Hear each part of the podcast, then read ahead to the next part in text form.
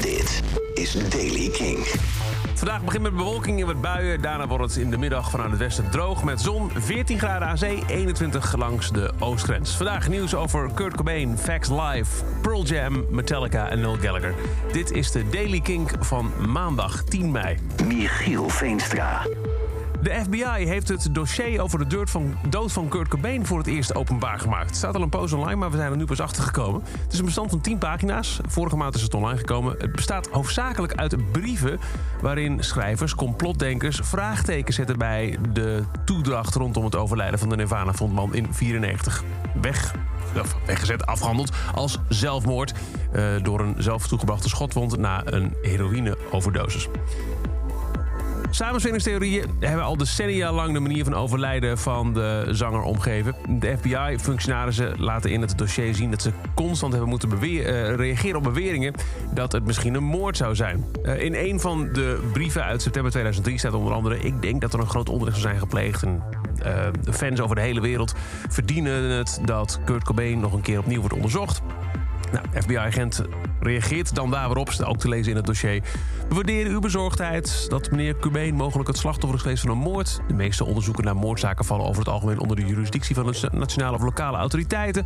Maar omdat de FBI, uh, uh, voordat de FBI een onderzoek kan instellen, moeten er specifieke feiten aanwezig zijn om aan te geven dat er binnen onze onderzoeksjurisdictie een schending van de federale wetgeving heeft plaatsgevonden. Er komt er heel veel op vormen en uiteindelijk, we kunnen geen actie ondernemen. Het dossier staat gewoon online voor iedereen in te zien. Het benefietconcert Vax Live heeft 302 miljoen dollar opgebracht. Veel meer dan werd gepland. Met het geld hoopt de organisatie minstens 26 miljoen doses vaccins aan te kunnen schaffen om te doneren. President Joe Biden, Prins Harry en Jennifer Lopez waren tot de grote namen te vinden die deelnamen aan het evenement. Met optredens van onder meer ook Eddie Vedder en Foo Fighters. Het was al eerder opgenomen met publiek dat wel volledig gevaccineerd moest zijn. Benefietconcert was het grootste event met publiek sinds het begin van de coronacrisis. Pearl Jam heeft een nieuwe bootleg-serie gelanceerd... waarbij je meer dan 5000 nummers van 200 live shows kunt vinden. Het is te vinden op streamingdiensten en op de nieuwe members-only site Deep van Pearl Jam. Het gaat om shows uit de jaren 2000 en begin 2010. Deep wordt omschreven als een interactieve ervaring... met officiële bootleg-opnames van bijna 200 live Pearl Jam shows... waarbij je je eigen setlist kunt personaliseren op basis van de stad waarin je woont bijvoorbeeld. Ook heeft de band een lijst van 50 tracks, live tracks dus, onder de naam Pearl Jam Live op streaming services geplaatst. James Hetfield van Metallica heeft in een interview gezegd dat hij een beetje sceptisch is over het schrijven, krijgen van een COVID-vaccin. Het gaat, uh, zelfs, uh, hij vertelt zelfs dat hij om religieuze redenen als kind nooit gevaccineerd is. Eén keer heeft hij een vaccin gekregen toen ze gingen toeren door Afrika. Dat is ook het enige. En ja, ik weet ook niet echt of ik nou dat coronavaccin ook wil. Ik moet er nog een beslissing over nemen.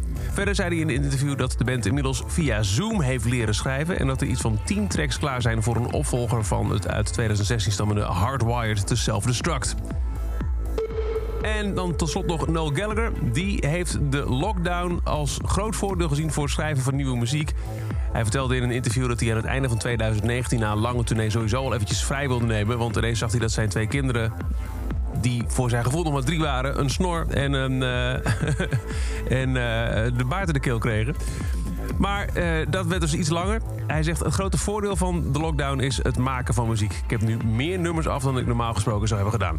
En dat is over de Daily Kink. Elke dag een paar minuten bij met het laatste muzieknieuws en nieuwe releases. Niks missen? Luister dan dag in dag uit via de Kink-app, kink.nl... of waar je ook maar naar podcast luistert. En voor meer nieuwe muziek en releases... check je s'avonds om 7 uur op Kink, Kink in Touch.